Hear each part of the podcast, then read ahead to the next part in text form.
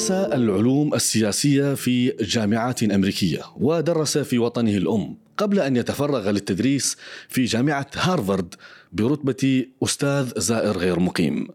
أمضى حياته يكتب عن الإمارات ويرفع لواء الخليج في كتبه ومقالاته. ينشط في موقع إكس تويتر سابقا على الرغم من أنه محى تغريدات بالسرعة التي كتبها فيها. ضيفنا اليوم في بودكاست قصص الأستاذ الدكتور عبد الخالق عبد الله أستاذ العلوم السياسية حياك الله. دكتور عبد الخالق آه، محتار وين نبدأ معك يعني؟ من رحلتك الدراسية في أمريكا قبل ذلك بعد ذلك تغريداتك وآرائك المثيرة للاهتمام خلينا نقول ومثيرة للجدل أيضا. بس قلت أن الإنسان صعب أنه يتجاهل ما يحدث الآن في غزة. وأنت لك موقف أيضا واضح وجلي ويومي. شو اللي صاير بالضبط؟ 9 11 الجزء الثاني 7 10 ولا؟ طيب أعتقد كويس إنك نبدأ باللحظة ونبدأ بما يحدث حاليا في غزة وفي فلسطين. على مدى ثلاثة أسابيع تقريبا هناك أمور كثيرة تستحق أن الواحد يبدي رأيه. وأول ما ينبغي قوله هنا نترحم على شهداء غزة، وثانيا أنه هناك يعني مأساة إنسانية ضخمة وهناك اهتمام عالمي بما يجري في غزة من حيث الدمار الشامل الذي شمل مستشفيات ومدارس وحتى لم يستثني مساجد. 13 مسجد حتى الآن تم دماره. كل ذلك يجعلك كعربي كإماراتي كإنسان عادي تشعر بالحزن لما يجري في غزة. هذا أولا. ثانيا بدأ هذا في 7 أكتوبر.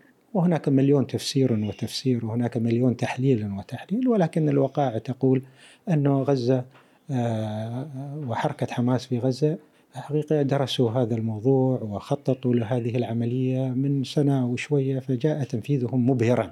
ما هو ليس آه، مثيرا للإعجاب أنه شاب ذلك الكثير من الأخطاء وأكبر أخطاء أنهم قتلوا مدنيين. فقتل المدنيين خط أحمر. طيب آه، أعتقد يعني سؤالك جمال إن هاي 9 11 ابدا ما له علاقة بذلك بس الاختراق كان مبهر لدرجة إنك تحس إنه غير حقيقي. يعني هذه الفكرة. شوف. يعني كيف أنت 60 كيلومتر من السياج وين حرس وين الجيش وين الموساد وين الحرس الحدود وين ال...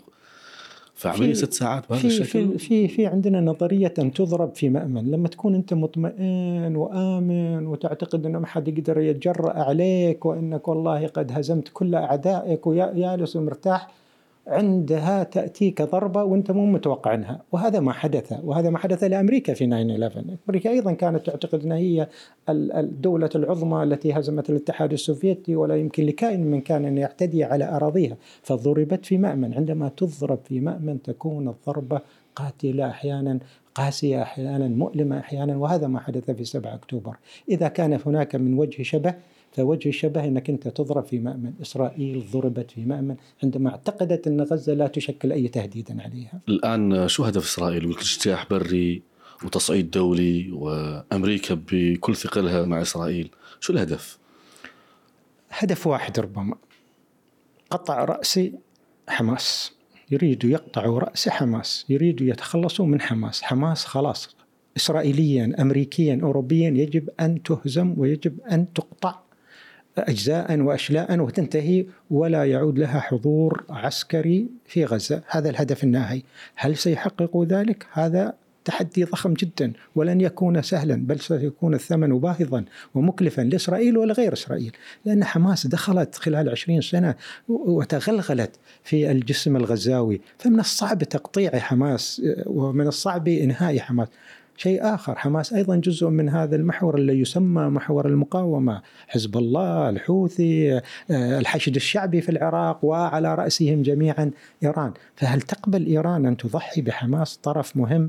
أعتقد سيناريوهات كثيرة متوقعة جمال لهذه المعركة. بس فكرة أنه والله الهدف هو احتلال غزة أو تهجير أهالي غزة إلى سيناء هذه مش مطروحة أتوقع ما هو هدف؟ ما أدري إذا هذا هو الهدف لا أعتقد أنه هذا هو الهدف النهائي في كثيرين يتحدثون عن ذلك لكن أعتقد هدفهم الأساسي وليس الوحيد قطع رأسي حماس هل يتمكنوا من ذلك المعركة على الأرض جارية شو الحل؟ يعني كيف توقف أنت هذا الاجتياح؟ كيف راح توقف العمليات هذه كلها؟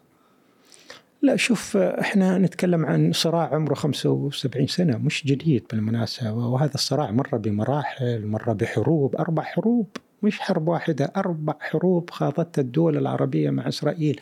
انهزمت انتكست هناك نجاحات. فإذا هاي ليست النهاية وليست البداية. البداية كانت النكبة وتلتها هزيمة وتلتها اجتياحات كثيرة بما في ذلك اجتياح بيروت 1982 فهذه المعركة أعتقد أنها ليست لحظوية وإنما ممتدة وطويلة الأمد. لا يوجد حل. ما دام إذا إذا تريد إسرائيل أن تعيش بسلام فلنقل. إذا أرادت المنطقة أن تعيش بالسلام إذا أرادت أمريكا أن تعيش بسلام والنظام العالمي أراد أن يكون مستقرا لا بد من حل قضية فلسطين العادلة لا بد من دولة لا بد من حق تقرير المصير لا بد من دولتين إن صح التعبير أقل أضعف الإيمان. لا أعتقد إسرائيل مستعدة لأي من ذلك. ما راح تعطي دولة؟ لا أعتقد بحكومة نتنياهو اليمينية أنه يقبل بشيء اسمه دولة فلسطينية مستقلة بجانب إسرائيل. فبالتالي هذه الأزمة ستستمر لأن كل طفل يولد اليوم هو مشروع شهيد كما شاهدنا خلال 75 سنة الماضية. كل طفل فلسطيني هو شهيد وسينتقم وسيحاول يحرر آه، فلسطين. فالعملية هاي بتستمر طويل يا جمال. ما أتوقع إن في ممكن تكون هاي شرار لحرب إقليمية كبيرة مثلا تتورط فيها دول عديدة؟ صعب؟ شوف إنه احتمال أنها تتسع هذه الأزمة إلى أبعاد كثيرة أن إيران تجد نفسها جرجرت إلى هذه المعركة، أمريكا تجد نفسها جرجرت إلى حرب نتنياهو. آه، احتمالات هذه كلها واردة، كم كم نسبة هذا الاحتمال؟ ربما 50% في الوقت الحاضر. ربما هذه الأزمة بالفعل ستنتشر آه، إقليميا ولن تظل محصورة في قطاع غزة. نفترض أن حزب الله دخل. حزب الله طرف مهم. واليوم حزب الله آه، لديه من القدرات ما يوازي 100 آه، ضعف آه، حماس. فتخيل إذا دخلت قوات حزب الله بكل ثقلها ومن ورائها أيضا إيران. عند ذلك أمريكا ستكون طرفا مهما. ستجرجر إلى هذه المنطقة اليوم مكدسة حاملتين طائرة طائرات أمريكية موجودات في الشرق الأوسط على بعد 200 كيلو من من سواحل آه، لبنان ومن سواحل آه، فلسطين وإسرائيل طبعا. فاحتمال أن هذه المعركة تتوسع احتمال آه، لا يمكن استبعاده في الوقت الحاضر جمال. وايد متهمه دول الخليج بانها دول ثرية وعندها علاقات كبيرة واستراتيجية مع أمريكا وتاريخية. أنها مقصرة في دورها شوف لا توجد دول على وجه الأرض لا توجد دول نحن عم نتكلم عن 192 دولة لا توجد دول أكثر من الدول العربية وقفت وصمدت وساعدت وساهمت ودعت ودعمت القضية الفلسطينية. يا سيدي مصر والأردن وسوريا والدول العربية خاضت مو بحرب واحدة، أربع حروب دفعوا آلاف من جنودهم من أجل قضية فلسطين. دول الخليج الإمارات والكويت والسعودية وقطر دفعت بلايين وليس ملايين من أجل دعم القضية الفلسطينية. بذلوا جهود دبلوماسية وسياسية قاطعوا إسرائيل أكثر من سبعين سنة وهم يقاطعوا إسرائيل ولم ولم يتعاملوا مع إسرائيل. فمن يأتي ويتهم الإمارات ودول الخليج بانها تقاعست هذا جاهل ولا ترد عليه. لأن دول الخليج لا زالت تعتبر القضية الفلسطينية قضية عادلة وقضية تستحق دعمهم. وما قاموا به يعني من من كل بعد من الأبعاد يجب يجب أن يقدر، الآن يعني خضنا أربع معارك، خاضت الدول العربية أربع معارك. مع الأسف الشديد إسرائيل مدعومة امريكيا استطاعت أن تهزم الدول العربية في جميع هذه المعارك، ربما انهزمت هنا وهنا 73 كذا تقول لي هزائم بسيطة لكنها يعني بعد كل هذا المقاطعة وبعد كل هذه المعارك بعد كل هذا الحروب تيجي واحد آه، آه، بس آه، كذا ويتهمنا بالتقصير أعتقد لا يعرف هذا الرجل كم أن الدول العربية وقفت وساندت وستظل تساند إلى أن تتحقق الدولة الفلسطينية. أنا بسألك سؤال يمكن يكون في ذهن مواطن فلسطيني. يقول لك يا أخي ليش طبعت دولة الإمارات؟ ليش؟ بعد هالسنين يعني شو اللي حدهم؟ طيب. يعني ليش تركونا؟ طيب. اولا التطبيع لا يعني أنك تدير ظهرك للقضية الفلسطينية بالمناسبة. مصر طبعت ولم تدر ظهرها للقضية الفلسطينية والأردن طبعت ولم تدر ظهرها للقضية الفلسطينية. فالتطبيع خط موازي للدفاع والدعم للقضية الفلسطينية. بدل ما كان في خط واحد الآن أصبحنا أنا في مسارين. بدل ما كان في مسار واحد الآن إحنا في مسارين. مسارين متوازيين. تعتقد أن التطبيع آه، آه، يتعارض مع هذا مع مع الدفاع عن القضية الفلسطينية؟ ليس صحيحا. لأن مصر رغم أنها طبعت لها 30 سنة لم تتخلى. بل كان دورها اليوم سياسيا ودبلوماسيا في كل مجال من المجالات مهم جدا هذا الدور. وعليه إنه من حق الشعب العربي يقول والله أنتم أخفقتوا في تحرير فلسطين، طبعا إحنا أخفقنا في في تحرير فلسطين. 22 دولة حاولت أنها تعيد آه، فلسطين وتسترد فلسطين وتحرر. لم تتمكن أخفقنا. كما أخفقنا في أمور آه، تنموية وأمور ديمقراطية وأمور ما ذلك فالإخفاق العربي معروف وبالتالي يعني وله أسبابه وربما هذا ليس مجاله أخفقنا نعم أخفقنا في تحرير فلسطين ونعترف بذلك. جمال عبد الناصر حاول عبر الثورة ولم يستطع. إحنا لدينا كل ثروات الدنيا ولم نستطع. فبالتالي هناك إخفاق عربي ومن حق كل عربي أن يسأل. الآن تقول لي لماذا طبعنا؟ يا سيدي العزيز إن قصدت الإمارات فأنا أقول لك إن هناك ستة دول طبعت رسميا. مع إسرائيل وليس الإمارات، رغم أن التركيز على الإمارات وليش الإمارات والما ادري إيش الإمارات هذا كلام غير صحيح. آه، مصر طبعت، المغرب طبعت، ما أدري إيش طبعت. علاوه على ذلك هناك ستة دول أخرى علاقاتها يمكن أقوى من الإمارات واستقبلت نتنياهو وأقرب جيران استقبلوا نتنياهو بالمناسبة واستقبلوا زعماء لكن لا يقيموا علاقات دبلوماسية آه، موثقة، فإذا عندك ستة يطبعوا وستة لديهم التطبيع غير رسمي وست دول تتعامل مع إسرائيل بكل ما تتوقعه تكنولوجيا اقتصاديا استخباراتيا امنيا وما لكن تحت الطاولة. 16 دولة عربية اليوم اعترفت كما اعترفت 163 دولة في العالم أن إسرائيل هذه دولة وموجودة ولا يمكن تجاوزها فإذا التطبيع ليس مقتصرا على الإمارات والإمارات عندما قامت بذلك لعلمك اشترطت قالت إحنا نود لكي نوقع هذه الاتفاقية أن لا تضم أجزاء من الضفة الغربية. وأمريكا ضمنت ذلك ولفترة من الفترات إسرائيل توقفت فكان هذا جزء من الأخذ والعطاء.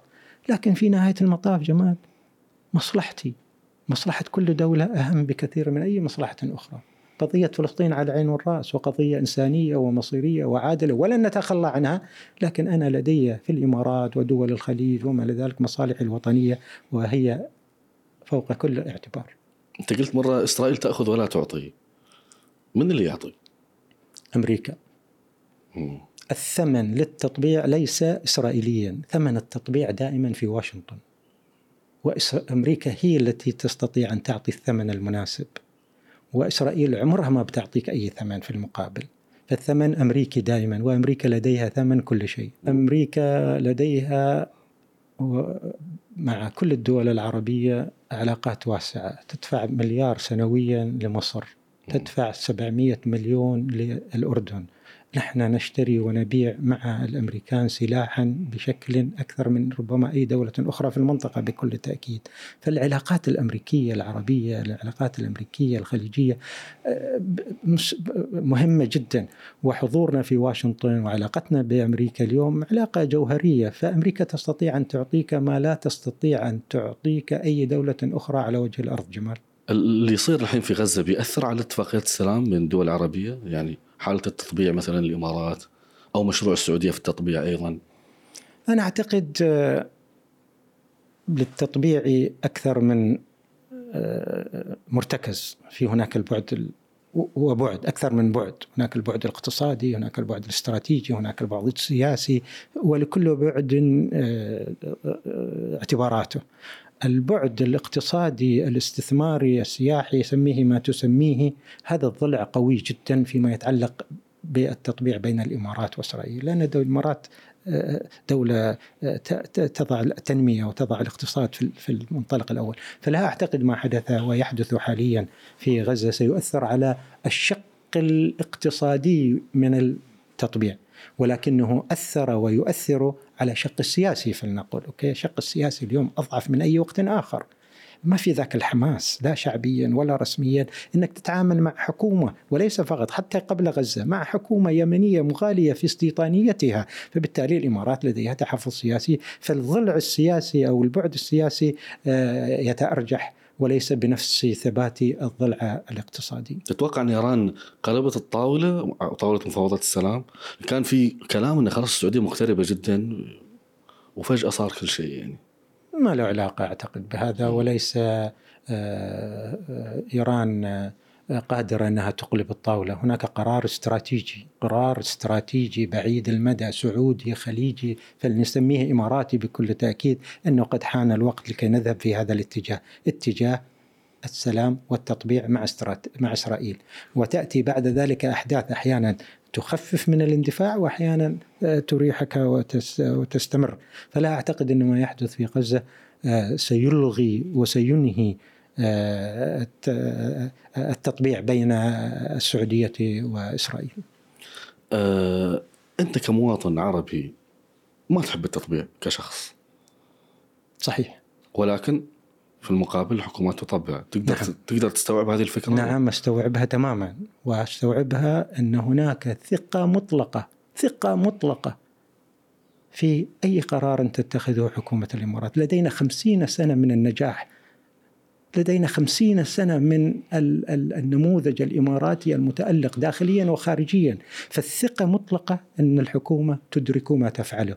وعندما تذهب إلى التطبيع فهي تعرف ما ما تقوم به وعلينا جميعا الندم. عندما تذهب إلى اليمن علينا أن نعرف أنها تدرك تماما أنها ذهبت إلى اليمن وخاضت تلك المعركة والحروب وهي تدرك ذلك.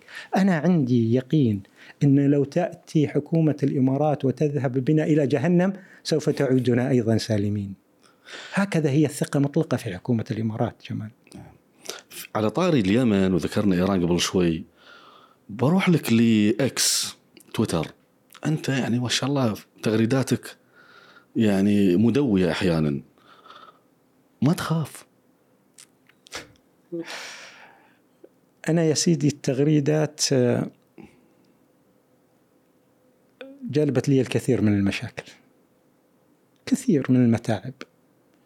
خسرت الكثير من الأصدقاء بسبب التغريدات. لكن يعني أنا في مجال التعبير عن رأيي وفي مجال طرح مواقفي مو بس في التغريدة. أنا أيضا كنت أكتب مقالات بشكل مستمر على مدى 30 40 سنة ولا زلت أكتب مقالا. فالمقالات أيضا جابت لي مشاكل أيضا. تعرف إن لما تطرح الرأي ويكون الرأي قويا وساخنا ومدويا إن صح التعبير ومثيرا للجدل ولا غضاضة في إثارة الجدل والسجال بل جادلوهم بالتي هي أحسن هذا أمر رباني جادلوهم فالجدل مهم ومشروع. ترى من هو معك ومن هو ليس معك أو ضدك. ترى من يعجبه وترى من لا يعجبه. وأحيانا من لا يعجبه ربما يكون أكثر مما يعجبهم ما تقوله وما تغرد به. ففي تقديري أن نعم يعني التغريدة أما تكون بالفعل آه، حارة وساخنة أو لا تكون. المقالة يا أما تكون ذات تأثير وحضور وتقول شيئا مختلفا أو لا تكون. بدون بهارات. على التغريده بهارات بمعنى يعني تكون يعني مستساغة. التغريده تكون ما لها قيمة. فالتغريدات آه، آه، مثيرة للجدل أهلا وسهلا بالجدل.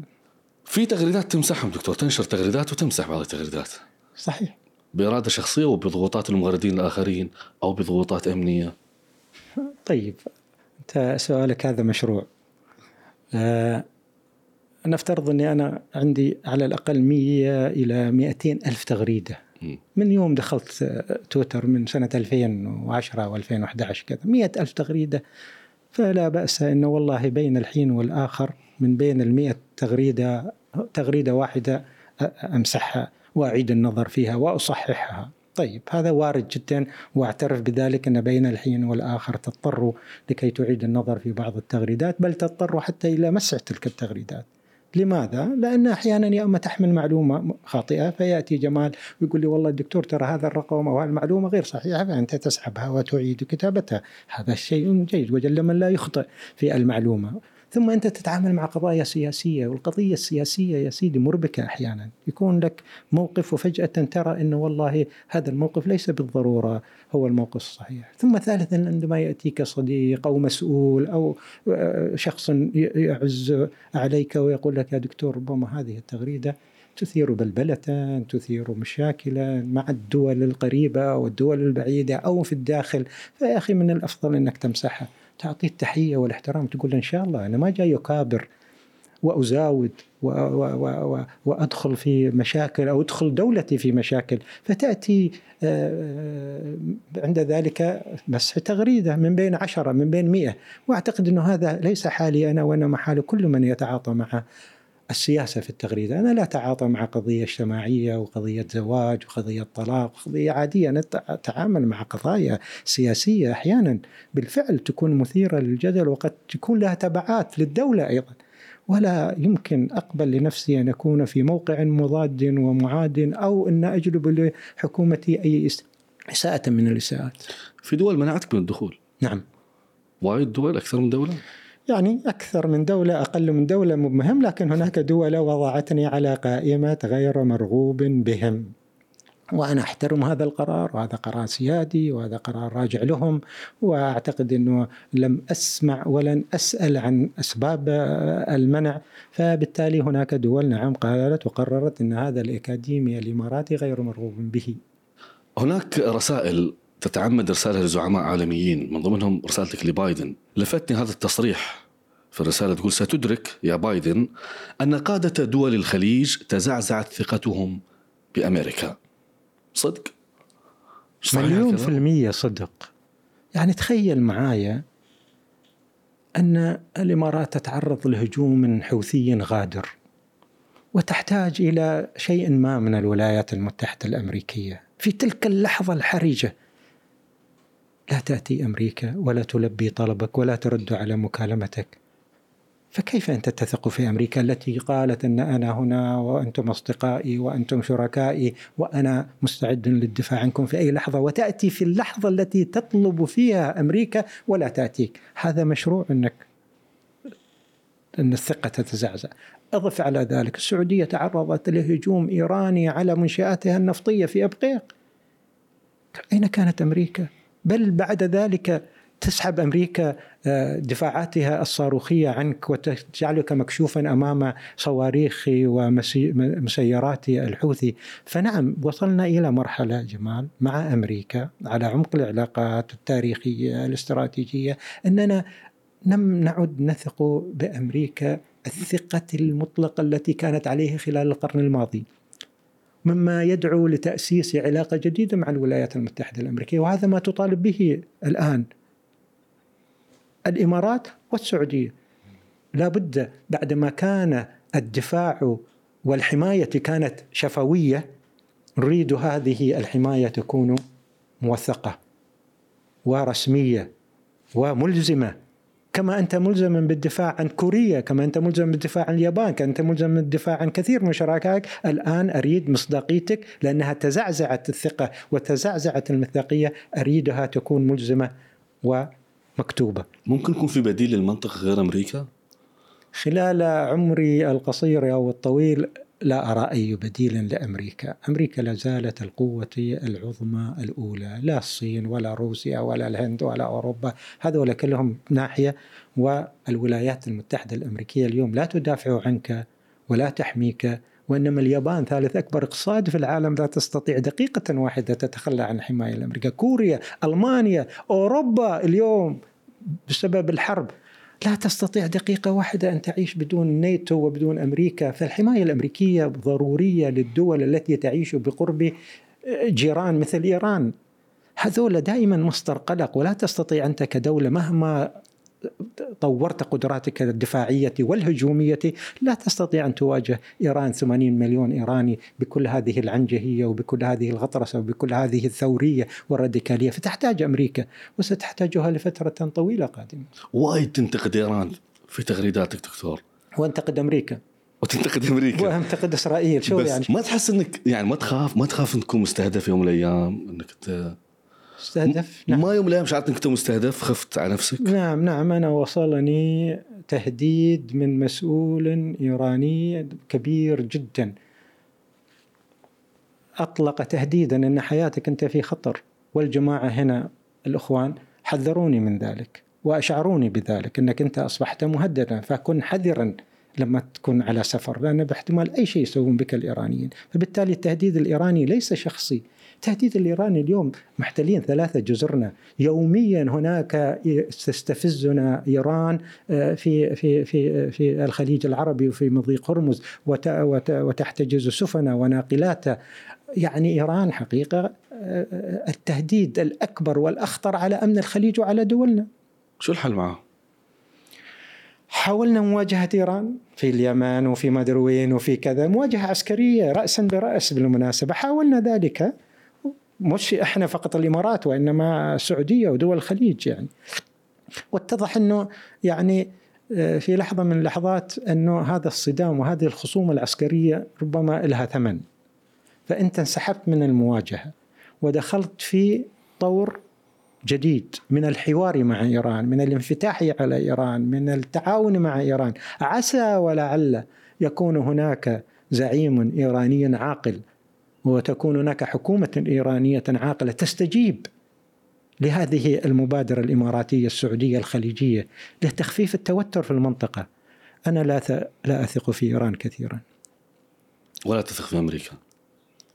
الثقة في أمريكا تضعضعت ولا بد من إصلاحها. لكن إيران تعيش على بعد 200 كيلو متر من الإمارات وعلاقتنا معها ثلاثة ألاف سنة وعلاقتنا خلال ال 42 سنة الماضية كانت علاقة علاقة جار يقلقك باستمرار القلق يزداد والخطر يزداد أحيانا الخطر يقل أحيانا لكن إيران ستظل دائما جار صعب تزداد صعوبة أحيانا وتقل صعوبة ستظل إلى ما شاء الله جار صعب. بس كيف قادرين يبقون يعني بقاء إيران يعتمد على ماذا؟ بقاء النظام الإيراني عفوا. لا شوف إيران عندما تستعرض مئة سنة من آه، تاريخ إيران فقط مئة سنة ترك ثلاثة آلاف سنة من 1900 وانت طالع 1920 إيران مرت بثلاث ثورات ضخمة. سنة 2009 كانت هناك الثورة الدستورية وقد أطاحت بحكم الشعب الإيراني دائما شعب ثورجي إن صح التعبير. جينا إلى سنة 2000 والخمسينات. لا 1950 ثورة مصدق أطاح أيضا هذه الثورة أطاحت بنظام إيراني. جئنا إلى 1979 ثورة أخرى. بما معنى؟ لو ناخذ المئة السنة فقط الأخيرة كل 40 50 سنة يأتي الشعب الإيراني بثورة ويطيح بنظامه. ونحن الآن دخلنا في 40 سنة على هذا النظام الجمهوري الإسلامي الراديكالي.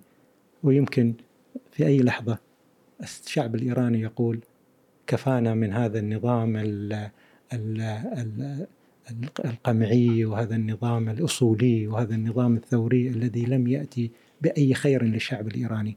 فهناك ثورة في الأفق في إيران. برأيك الآن في المنطقة العربية هل طفرة النفط هي فقط ما ساعد الخليج على تصدر المشهد وتراجع دول مثل مصر و دول بلاد الشام وحتى المغرب نفسها.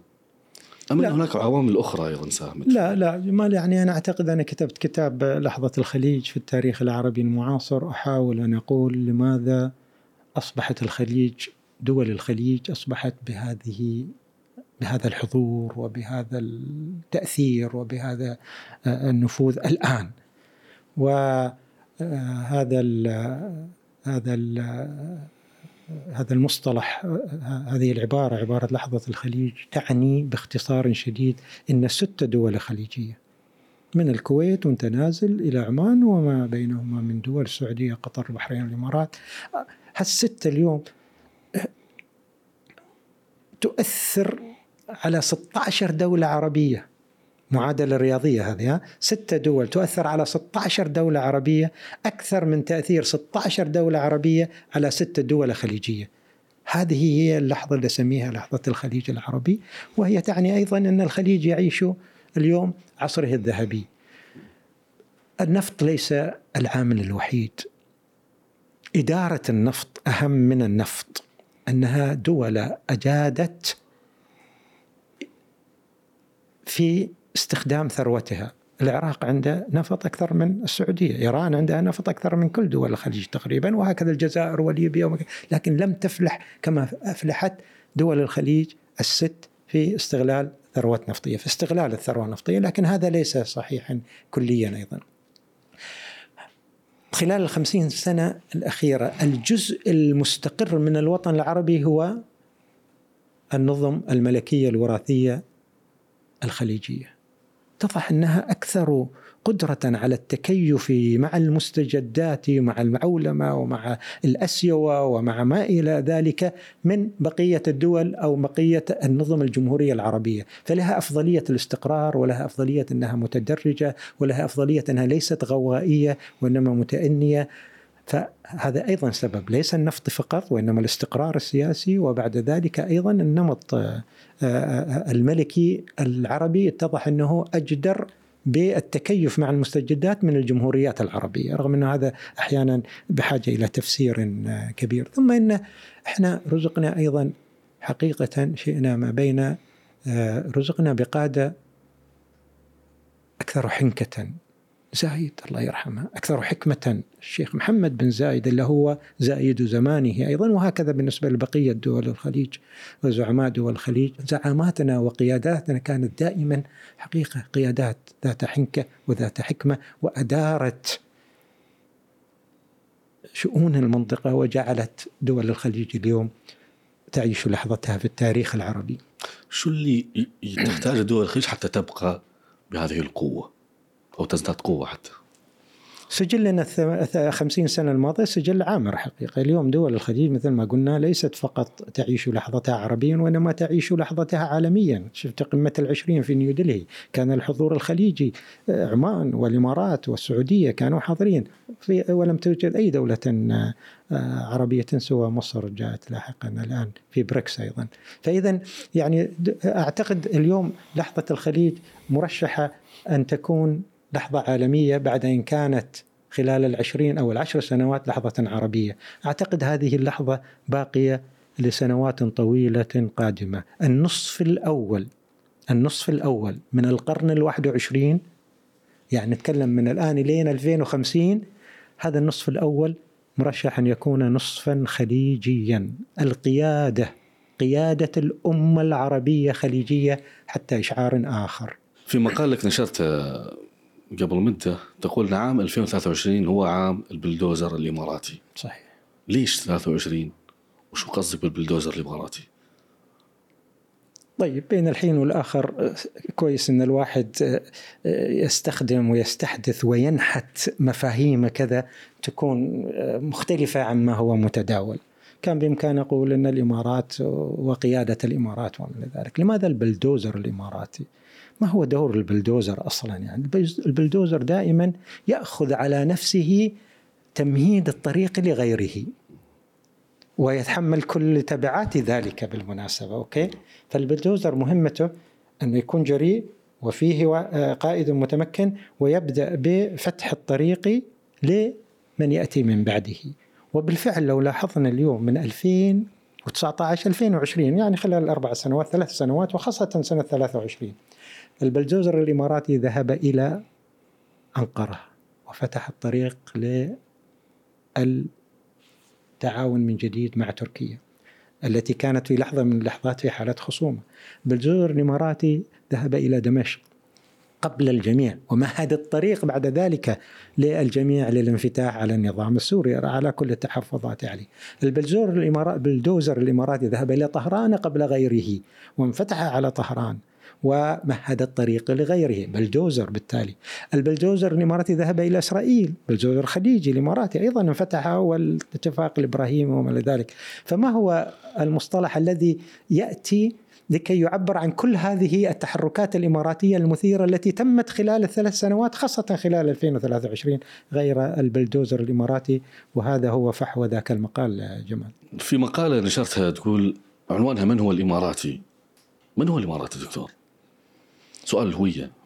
نعم سؤال الهوية هو الهوية تتحول وتتجدد وتدخل في أطوار وفي كل طور هناك جديد على الهوية الإماراتية. ثوابتها واضحة ولكن مستجداتها كثيرة جدا. اليوم لما أقول أنا من هو الإماراتي أنا أريد أن أعرف الإماراتي بعيدا عن التعريفات والمكونات حتى التقليدية. اليوم الإماراتي بالنسبة لي هو الشخص الذي يعتقد أن الشيخ زايد هو الأب. الأب الوطنية الأب الروحية الأب المؤسس. مليون إماراتي أنت أنا كلنا كل واحد له أب. لكن مليون إماراتي لهم أب واحد. هو الشيخ زايد مؤسس هذه الدولة. فالإماراتي هو من يعتقد جازما بأن عنده هذا الأب النموذجي الشيخ زايد طيب الله ثراه. الإماراتي من بين كل أعلام الدنيا. هناك علم واحد يعشقه ومستعد يدفع ثمن حياته من أجل رفرفة هذا العلم علم الإمارات هذا رمز مهم من, رموز من هو الإماراتي اليوم. اليوم عندك الإمارات مساحتها 83 ألف كيلو متر مربع. كل ذرة تراب كل ذرة من تراب هذا من تراب هذه المساحة. مخصصة لي هذه ليست مخصصة لثمانية مليار من البشر مخصصة لمليون فقط من البشر يعيشون على 83 ألف. فرمز خارطة الإمارات هذا مكون مهم من مكونات من هو الإماراتي اليوم علينا أن نجدد تعريفنا لمن هو الإماراتي عربي مسلم تقليدي تراثي عاداتنا هاي كلها مسلمات. ولكن اليوم هناك جديد. الهوية الوطنية تعتمد على الانتماء للوطن اولا وليس الانتماء لأمة وليس الانتماء لأمة إن كانت عربية إن كانت إسلامية إن كانت اخليها عليكم أنا اليوم بالنسبة لي الاماراتي هو من يعتز بوطنه ومخلص لقيادته ومستعدا يدفع ثمنه من أجل هذه الأرض ومن أجل هذا الوطن ومن أجل بقاء رمز من رموز هذا الوطن وفي مقدمتهم الشيخ زايد. الدكتورة أميرة حسن في دراسة لها نشرتها. طبعا تقول الإمارات دولة مهاجرين لا دولة مواطنين. كيف كيف رديت؟ يعني ما هو ردك؟ الدكتورة أنت رديت عليها أظن نعم دكتورة أميرة من الإمارات وهي مجتهدة وأكاديمية ومثابرة وتخرجت من أفضل جامعات بريطانيا فلها أطروحات وأحيانا بعض الأطروحات حقيقة غير مقبولة محليا وأحيانا تكون محقة وأحيانا من المهم أن تأخذ وتعطي معها عندما قالت هذا الكلام في تقدير لم تكن مصيبة يعني الإمارات ناسها وأهلها وقبائلها وعائلاتها وأسرها. إماراتيين ارضا وابا عن جد. مش كلهم مهاجرين من الخارج. فأعتقد ما كانت محقة. لكن أعتقد السؤال بعد كل هذه الفترة 52 53 سنة من تاريخ الإمارات المواطن أصبح أقلية في وطنه. اليوم إحنا كم؟ 20% جمال 15% البعض يقول 10% ضعنا خلاص يعني ضاع الحساب. إن كنا أقل من ال 50 إن كنا 20 أو كنا 10 والبعض يمكن يقول 6 7% مش مهم الرقم. أنا إن كانت هناك قضية تشغلني أكثر من أي قضية أخرى قضية وطنية وليست قضية شخصية اسريه إن كانت هناك قضية واحدة بالفعل أعتبرها هاجس هي قضية هل نبني وطنا جميلا مستقرا بديعا رائعا لغير المواطنين؟ أنا هذا السؤال يشغلني دائما وهو يرتبط بالخلل السكاني. كيف أنا أتحول إلى أقلية في وطني؟ أعتقد سؤال جوهري ولا أعتقد أن هناك جوابا حاسما له حتى الآن. دخلنا في معضلة سكانية نريد معجزة ربانية لحلها. قانون هجرة؟ وطن. كم بتوطن في نظرك يعني؟ أنت لما تصير 10% تبغى توطن 50% بتضيع فأعتقد الهجرة والتجنيس حل ولكنها ليس كل الحل. لابد من أمور أخرى. أعتقد لازم أننا نبحث عن من أين مصدر هذا الخلل السكاني. ومصدره نمو اقتصادي استثنائي خلال خمسين سنة الماضية. اقتصاد الإمارات أصبح ثاني اقتصاد الع... اقتصاد عربي ولا يمكن اليوم تقزيمه من جديد ويتوسع وقد يكون بعد شوية مش 400 مليار يكون 800 مليار وهذا الهدف. كل ما توسع هذا الاقتصاد ونما كل ما احتجت المزيد من الخارج. هي مشكلة دكتور ولا عادي ممكن نتعايش معها؟ وإذا كانت مشكلة شو الحل؟ أنا أعتقد أنها معضلة وليست حتى مشكلة. المعضلة غير بالمناسبة. المعضلة عقد. متداخلة وكذا. وإحنا يعني صرنا مع هذه المعضلة الآن 30 40 سنة يعني. أولا ما يريح البعض وأنا أيضا من هذا البعض إنه خلال رغم وجود هذه المعضلة السكانية لا يعني الأمن مستقر وال وال وال والهوية محتفظين بها والتأثير الثقافي كنا نتحدث عن ذلك مش بالضرورة يعني في في في حديث مضخم. فبالتالي اولا يعني عندما تقيس 40 السنة الماضية نرى إنه يعني تعايشنا معهم وتعايشوا معنا وكانت لهم مساهمات هؤلاء عمالا كانوا ولا مواهب كانوا فكان لهم دور مهم جدا. آه، والإمارات لم يكن لتصل إلى ما وصلت إليه بدون آه، آه، المقيمين معها والجاليات بكل جنسياتهم آسيوية عربية أوروبية أمريكية فهم حقيقة رصيد بقدر ما هم عبء. فإذا اولا تنظر إليهم. ثم إنك أنت لم يحدث إن أحد منهم قد شكل لك أي خلل أمني. كلهم حقيقة التزموا بالقانون والتزموا بالمسار والتزموا بعدم يعني آه، إثارة مشاكل. فأنت عندك خمسين سنة من الاطمئنان أيضا ويجب أن لا يكون الاطمئنان كاملا ودائما أيضا دائما الاحتياطات موجودة. من هنا البعض وأنا واحد ممن قال هذا الشيء فجأة تحول تحولت المعضلة السكانية وتحول الخلل السكاني من عبء استراتيجي إلى رصيد. استراتيجي. كيف؟ إنك أنت لما عندك خمسين جنسية ومعايشين بهالطريقة تصبح مثال للتسامح. ودولة تسامح صرت شوف شوف شوف معي أوروبا 6% 5% ضاجين الدنيا. إحنا عندنا 90% 80% يا سيدي ومتعايشين معهم. فصرت فجأة نموذج عالمي في التسامح. نموذج عالمي أيضا في أنك تحول هؤلاء إلى أيضا جزء من الحماية لك. يعني اليوم عندك 120 بريطاني 120 ألف بريطاني أسف 60 ألف أمريكي ما أدري كم ألف آه، صيني. هؤلاء كلهم لدولهم الآن مصلحة لحمايتهم. فأنت أيضا محماية بوجود هؤلاء أيضا معك من دول تعتقد أن كل مواطن ينبغي آه، عليها أن تحافظ عليه وتدافع عنه. فهل تحول الخلل السكاني من عبء استراتيجي إلى رصيد استراتيجي؟ أيضا سؤال مشروع ان نطرحه في سياق آه، التعامل مع المعضلة السكانية. لكننا نعيد اليوم مرة ثانية ونصير إحنا كمواطنين أكثر من 50% صار مستحيلا. دكتور أنت كنت قبل سنوات يعني آه، في عندك وظيفة أو مكانة منسوبة إليك أنك مستشار صاحب السمو رئيس الدولة وبعدين نفيت هذا الأمر. شخصيا التقيت مع رئيس الدولة؟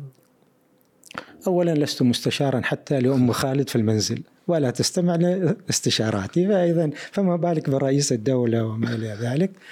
وبالتالي هذه الصفة تلاحقني وهي يعني شرف لا أدعيه. وفي تقديري إنه ليس فقط أكاديمي كعبد الخالق عبد الله مستشار لرئيس الدولة وإنما مليون إماراتي أنت وأنا كلنا مستشارين وكلنا جنود جنود لرئيس الدولة تاج رأسنا جميعا وقائدنا. ومن خلال أيضا قيادتنا في في الإمارات. نعم التقيت بالشيخ محمد. مرات ومرات وفي جلسات وكذا. وأعتقد يعني انطباعي عنه جمال إنه رجل أوتي من الحكمة الشيء الكثير. ومن أوتي من الحكمة أوتي أمور كثيرة. يعني ووجدت فيه من التواضع ما لم ترى لم أجده في أي مسؤول آخر. التقيت به في حياتي وقد التقيت بكثار من المسؤولين في حياتي رؤساء وزعماء وما إلى ذلك. فإذا الحكمة والتواضع الشديد والاستماع الشديد إلى كل من يتحدث إليه بتأني عيني بعينك كذا وليس يعني بانتباه وأخذا وعطاء. ففي كفي كثير من الصفات الكاريزميه وأنا أعتبره إنه هو زايد زمانه. صار موقف معه؟ قلت له شيء يوم من الأيام كثير. وهو مستمع جيد. مستمع يا الله يبهرك. إن كان هناك زعيما يبهرك في تواضعه وفي حكمته وفي تواصله وفي حديثه معك على الصعيد أسرتك وأبنائك وما لذلك فهو الشيخ محمد بن زايد. سافرت دكتور أمريكا في فترة مبكرة ودرست علوم سياسية في أمريكا. فيني جمال بس أقارن الشيخ محمد بن زايد بزعيم آخر التقيت فيه. إيه يا ليت. أنا التقيت بنيلسون منديلا والتقيت بياسر عرفات وما إلى ذلك كذا لكن نيلسون منديلا التقينا فيه هنا في الشارقة بالمناسبة. تعرف نيلسون منديلا لما كان رئيسا وكان يعني مناضلا. شخصية تاريخية. يا إلهي كم هذا الإنسان كان مبهر عندما تتحدث إليه. وأنا تحدثت معه وجلست معه كنا في طاولة مع بعض من الزملاء. واعتقدت أنه هذا الزعيم هو النموذج. هذا قبل بروز الشيخ محمد بن زايد كولي عهد وبعد ذلك كرئيس لدولة الإمارات لكن حقيقة اليوم أقدر أقول بكل اطمئنان ودون نفاق ولست مطالبا بالنفاق أن الشيخ محمد فيه هكذا من ال من ال من البعد النظر ومن القدرات الزعامية ومن الاحتواء الذي تأثرت به عندما التقيت بنيلسون مانديلا. فارجع لسؤالك الحين. نعم. درست أمريكا. درست درست أمريكا دكتور. آه. علوم سياسية في فترة مبكرة يعني. شو اللي خلاك تختار المسا... كنت أصلا ناشط يعني ومهتم بالشأن السياسي في ذاك الوقت؟ يبدو في الجينات يعني شو عرفني شو الجواب يعني؟ لكن يعني من يوم صغرنا نحن تربينا في الستينات وطبعا خلال تلك الفترة كانت الموجة الناصرية والقومية واليسارية والسوفيتية وما أدري إيش. كانت هي الموجة الطاغية. موجة الفكر كانت. موجة فكرية عقائدية مرت علينا جميعا فكل جيلي وليس أنا كنا في تقريبا في تلك يعني نتائج تلك الفترة. وعندما ذهبت إلى أمريكا أيضا وجدت مجاميع طلابية لها نفس الاهتمامات القضية الفلسطينية والقضايا العربية وما إلى ذلك والجبهات الديمقراطية والشعبية والناصريين والبعثيين فكنا كطلاب ضمن هذه الأجواء الفكرية كلها. وكل هذه الأجواء الفكرية كانت تعني أيضا أنشطة سياسية. وكنت رئيس جمعية اتحاد الطلبة العالميين في كليتي في فترة من الفترات. فنعم يعني هذا التأثير الشخصي جعلني أذهب إلى أمريكا مبعوثا لكي أدرس الهندسة البترولية والنفطية وانتهيت بأنني أصبحت عالم سياسة رجعت بشهادة دكتوراه في السياسة.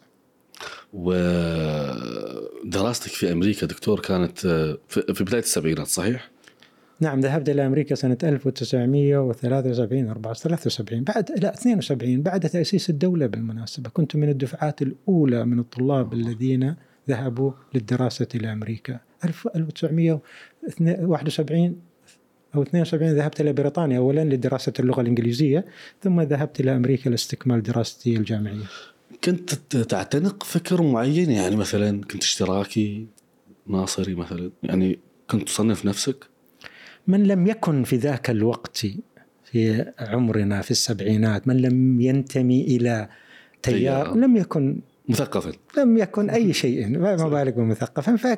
فكنا يعني نبحث ما هو طبعا لا تود أن تكون راسماليا وامبرياليا وامريكانيا وما وصهيونيا ورجعيا لأن هاي المصطلحات اللي كانت سائدة. تبغى تكون رجعي تبغى تكون عميل. فأنت ك ك ما تراه من فكر مقنع في ذاك الوقت كان هو الفكر الوطني الاستقلالي الاشتراكي اليساري سميه ما تسميه.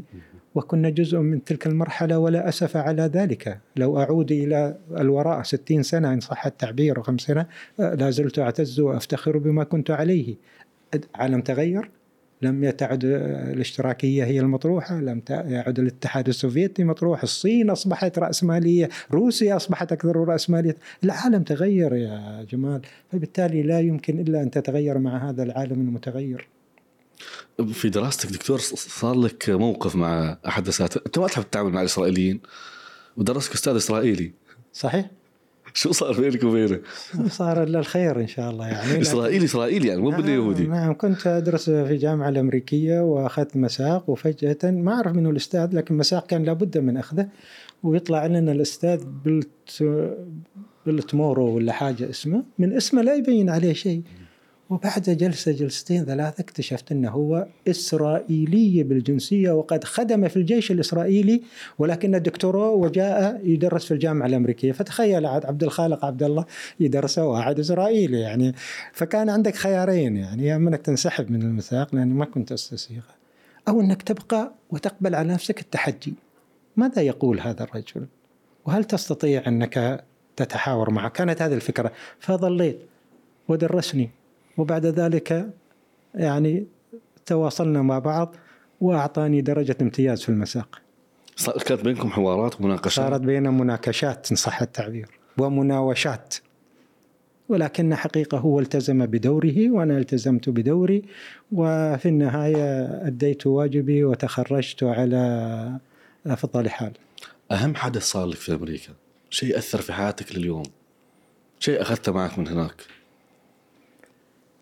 هذا شكل اجابه دكتور شوف أنا يعني التقيت بناس كثار في أمريكا. نعم. أساتذة وطلبة وكذا. لكني دائما أذكر حواراتي العميقة مع مفكر فلسطيني وأستاذ جامعي.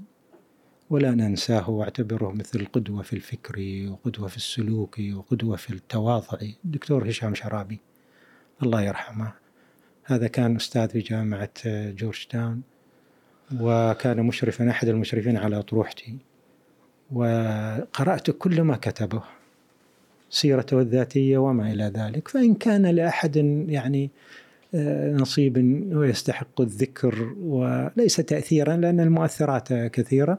ولكن الدكتور هشام شرابي رحمه الله كان ملهما في فكره وسلوكه. الله يرحمه. بس الحين لو تشوف المقابلة أم خالد راح تزعل. لأن هي الشخص الآخر. طبعا. شو قصتك؟ ولا تزعل ولا يحزن شو قصتك مع أنت يعني مضرب مثل يعني في العلاقة يعني الإنسان الزوج الأب دكتور عبد الخالق. صورتك وايد مثالية ورومانسية. يعني بخلاف الشكل اللي يظهر في تويتر أو في إكس إنك شخص صاحب رأي وسياسي الا انك شخص عاطفي جدا في الجانب الآخر. يا سيدي إذا كان الواحد قد رجع من أمريكا بحصيلتين فإن الحصيلة الأولى الأهم أن التقيت برفيقة الدرب أم خالد. كانت لحظة تأسيسية تعرف الواحد يمر بولادات عديدة الولادة الأولى والولادة الثانية فاللقاء بأم خالد طبعا كان من من نعمة من النعم. آه، ارتحنا لبعض و توافقنا على الصعيد الفكري وعلى الصعيد آه، الحياتي. فبالفعل أم خالد رفيقة درب ورفيقة طريق وأقرب الناس إلى قلبي. وفي كل رحلاتي وفي حلي وفي ترحالي هي معي. ونذهب إلى مغامرات hiking ونذهب إلى مغامرات في الطبيعة وذهبنا قطعنا قمم جبلية من اليابان Mount Fuji قمة فوجي إلى بيرو في ال Inca Trail. طريق إنكا أعلى قمة جبل في في قارة أمريكا الجنوبية وبينهما قارات فهي دائما معي. وكل يوم مع بعض أجمل من اليوم الذي قبله. والأيام القادمة أتوقع أنها ستكون أجمل من يومنا هذا أيضا. أول ما التقيت فيها وقررت أنك تكون معك يعني توقعت أن الأمر يستمر بهذا العمق للأبد يعني طول العمر؟ الإحصائيات الدولية جمال فيما يتعلق بالزواج على الصعيد العالمي. سنة 2022 أنا ما شفت 23 يمكن 23 40% من الزواجات أو الزيجات أو الزواج طريقها إلى الطلاق. 40% تخيل. بعض الدول أكثر بعض الدول أقل. إحنا في الإمارات 30% أقل طلاق نسبة طلاق في العالم في كوبا لعلمك وأعلى نسبة طلاق في روسيا يمكن حوالي توصل إلى 60% حتى. فإذا 40% من أي زواج مرشح ل ينتهي. أن ينتهي بالطلاق. هذا عالميا. 40% الثانيين اللي يبقون متزوجين يعيشون في جحيم من خناقات ومن مشاكل ومن عنف منزلي كارهين بعض لكن مضطرين للبقاء. فإذا 80% فقط 20% هم المحظوظين باستمرار الزواج خمسة عشرة وفي حالتي أنا 38 سنة. فنحن يعني من القلة القليلة وأرجو أن تكون أنت من تلك القلة وأرجو أن أكون منهم. أتمنى لك التوفيق. يا على طاري القمم والجبال والهايكينج أنت لك قصة استثنائية؟ أظن فيها كتاب. آخر إماراتي في نيبال. صدق آخر إماراتي في نيبال؟ نعم شو السالفة؟ كنت, كنت آخر إماراتي في نيبال سنة 2015 وكانت لنا رحلة نحو قمة جبل أفرست ولما وصلنا على ارتفاع 3500 متر من سطح الأرض بعد ثلاثة أيام ونص تقريبا من السير الجبلي الصعب. وقد قطعنا مسافة طويلة وكانت هناك على بعد حوالي آه، كيلوين ثلاثة آه، نهاية الجولة في ذاك اليوم في منطقة نامشي. وعلى مقربة من تلك القرية فجأة هذا الجبل اللي اسمه هملايا أعلى جبل على وجه الأرض بدأ يهتز. ايفرست نفسه. إيفرست وضربت نيبال بزلزال على عمق 7.2 رختر. في ذاك اللحظة خلال ساعات 16 ألف إنسان ماتوا يا جمال. تخيل أنت وبعد ذلك تبعات ارتدادات الزلزال ونحن على ارتفاع 3500 قدم. برد ثلج مطر وزلزال. على مدى ثلاثة أيام كنا عالقين. عالقين طبعا لا تستطيع تنزل ولا تستطيع تطلع. وكل بين ساعتين يقولون لك آه، روح على آه، الساحة على أساس تكون بعيدة عن المباني لأن يمكن المباني تنهار. كانت لحظات وجودية كانت لحظات حياتية من أصعب اللحظات. مرت علينا لحظات كثيرة في رحلاتنا الهايكينج لكن هذه اللحظة كانت من التأثير. أولا بحيث أنها تستحق أن تسجل في كتاب وبالفعل في كتاب آخر إماراتي آه، في نيبال. ولماذا آخر. وليس أول وليس آخر. كذا المهم اتضح لي لاحقا وكنا على تواصل وكذا. وكنت مع فريق من أربع أشخاص. كنا اثنين معنا من أمريكا آه، وواحد بريطاني وأنا كنا أربعة آه، طالعين على جبل آه، آه، ال base camp على قولهم. في تلك اللحظة اتضح في لحظة الزلزال كان هناك تسعة من الإمارات في نيبال في أماكن مختلفة. في العاصمة كاتمندو وفي أماكن أخرى. الإمارات تمكنت خلال 24 ساعة من إجلائهم. 24 ساعة وصلوا إليهم اتصلوا فيهم أعادوهم. قاموا يدورون على عبد الخالق عبد الله على 3500 تعرف جمال أول اتصال من منو جاني؟ من من؟ من تتخيل؟ ما أدري والله الشيخ عبد الله بن زايد ويتصل فيك دكتور أبو خالد أنت بخير؟ قلت الحمد لله ابكاني أول اتصال مش من من أي شيء من الشيخ عبد الله قال خلك في مكانك وخلال ساعات إن شاء الله نحن الإمارات بترسل لك طائرة هليكوبتر تنقذ لحظة مؤثرة الزلزال مؤثر والاتصال مؤثر أكثر وكان لابد من توثيق هذا وكله موجود في هذا الكتاب وأرجو أن تتاح لك فرصة تقرأه. لم تألو الإمارات جهدا على مدى ثلاثة أيام لكي تنقذنا يا أستاذ. كم هي كريمة الإمارات. فلما تكون مواطن إماراتي وتحظى بمثل هذا الحرص على حياتك ويتابعونك حتى في آخر الدنيا والله يجيبونك يجيبونك وأنت سالم. وبالفعل جابوني سالم. التقيت بالهلال الأحمر الذين أتوا بعد ذلك في كاتمندو واشتغلت معاهم شوية. فكانت رحلة زلزالية يا أستاذ. الحمد لله على سلامتك دكتور. لا تروح مرة ثانية. لا. السنة الثانية مباشرة رحنا مرة ثانية. رحت مرة ثانية؟ مرة ثانية مع أم خالد ولا بدون أم خالد؟ مع أم خالد. ما شيء بعد بدونها. بس بدون زلزال هالمرة. لا رحنا هالمرة مش بوتان. رحنا مش نيبال رحنا بوتان. وتسلقنا الجبل هملايا من أربعة أيام خمسة أيام وإحنا تا- تايهين في هالجبال. درست في الجامعة 33 سنة دكتور صحيح الآن أنت متقاعد كيف الحياة بعد التقاعد؟ الحياة بعد التقاعد أسعد أنشط أجمل لسبب واحد ووحيد. السبب هو أنك تصبح سيد نفسك تخيل أنت لما تكون بوظيفة جامعية كانت ولا حكومية أنت لست سيد نفسك لأن لازم تكون موجود ساعة تسعة ولازم تداوم ولازم ما أدري كيف وكذا. لما تتقاعد أجمل ما في هذا التقاعد أنك تكون سيد نفسك. خلاص أنا أديت كفيت وقدمت ما قدمته وأخذت ما أخذته وأعطيت ما أعطيته فأنا هذه صفحة. تعال اليوم على التقاعد. أنت تختار الوقت اللي تقوم به الوقت التي ووجدت نفسي سيد نفسي وحر نفسي وكم مهم بالنسبة لي كلمة حر نفسك. تفضل كن حر نفسك إذا تقدر. فيعني التقاعد آه، لحظة مفصلية وقد كتبت كتابا كاملا تحت عنوان اعترافات أكاديمي متقاعد وحطيت فيها كل اللي في قلبي مو كله بعض اللي في قلبي. الواحد لا يستطيع أن يقول كل ما في قلبه. زين. تقاعدت سنة 2010 أعتقد. فإحنا الآن يمكن 13 سنة تقاعد. إحنا أنشط من أي وقت آخر. أقرأ أكثر من أي وقت آخر. أكتب أكثر من أي وقت آخر. ألتقي بمن أشياء أكثر من أي وقت. فبالتالي هذا الأكاديمي لا يتقاعد.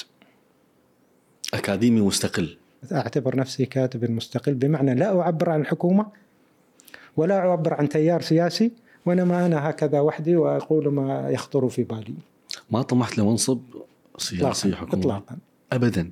إطلاقا. أعتقد الإمارات فيها ما فيه الكفاية من وزراء وفيها ما فيه الكفاية من السفراء وفيها ما فيه الكفاية من المدراء. ما نحتاج للمزيد لا من سفير ولا وزير ولا ما كلهم ما شاء الله فيهم الخير والبركة. لكن الإمارات تحتاج أكثر ما تحتاج في صعودها المفكر المثقف المثقف. المفكر الذي يرقى إلى مستوى ما وصلت إليه الإمارات غير موجودين. دكتور ما شاء الله أنت نشأت في أسرة آه، متوسطة ثرية برجوازية يعني كيف كان مستوى حياتك في فترة الخمسينات الستينات؟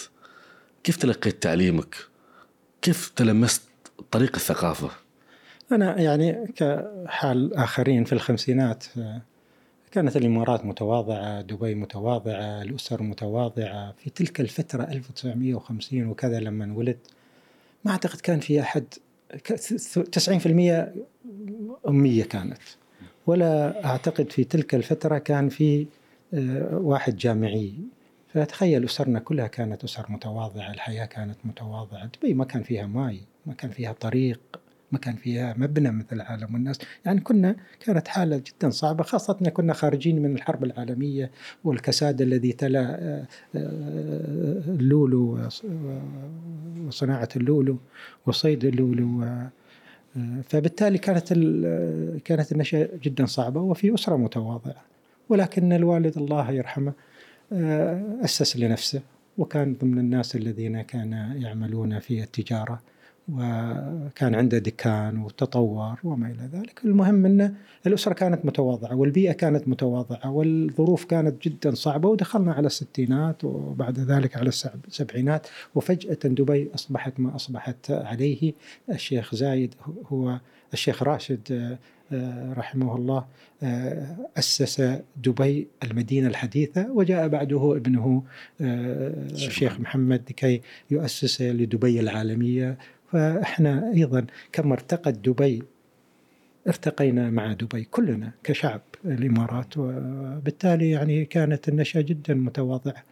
ورب العالمين أنعم علينا بأسرة أيضا كانت مشجعة للتعليم. الوالد كان أمي الوالدة كانت أمية وهكذا ظروف كل الأسر في الإمارات. وكيف وصلنا إلى ما وصلنا إليه هو بالضبط قصة كيف وصلت الإمارات إلى ما وصلت إليه. قصة كيف وصلت دبي إلى ما وصلت إليه. كنتم متخيلين دكتور كجيل في ذلك الوقت أن الإمارات تصل لهذه المرحلة في هذا الزمن القصير والقياسي؟ هذا الأمر لم يخطر على بال أحد ولم يخطر على خيال أحد. تخيل أنت يعني أنك أنت لما تبدأ في الخمسينات والستينات وما حد كان موجود أصلا يعني أنت بروحك 20 مفلع كنا في هالإمارة وفي هالدولة هذه. عدد سكان الإمارات في ذاك الوقت يمكن ما يزيد على عشرين ألف أو شيء من هذا القبيل. أربعة آلاف في أبو ظبي ويمكن ثلاثة آلاف هني وهكذا. أعداد صغيرة كنا يعني. فوين وصلنا إلى ما وصلنا إليه؟ حتما لم يخطر في بال أحد منا أن نصل إلى مدينة مثل مدينة دبي معولمة ودولة مثل دولة الإمارات لها هذا الحضور العالمي. لم يخطر لا على البال ولا في الخيال. دكتور عبد الخالق عبد الله شاكرين لك هذا الوقت شاكرين لك رحابة صدرك إجاباتك الحقيقية آه، في بودكاست قصص. نتمنى إن شاء الله نشوف في لقاءات ومناسبات أكثر إن شاء الله. شكرا لك يا جمال على الاستضافة.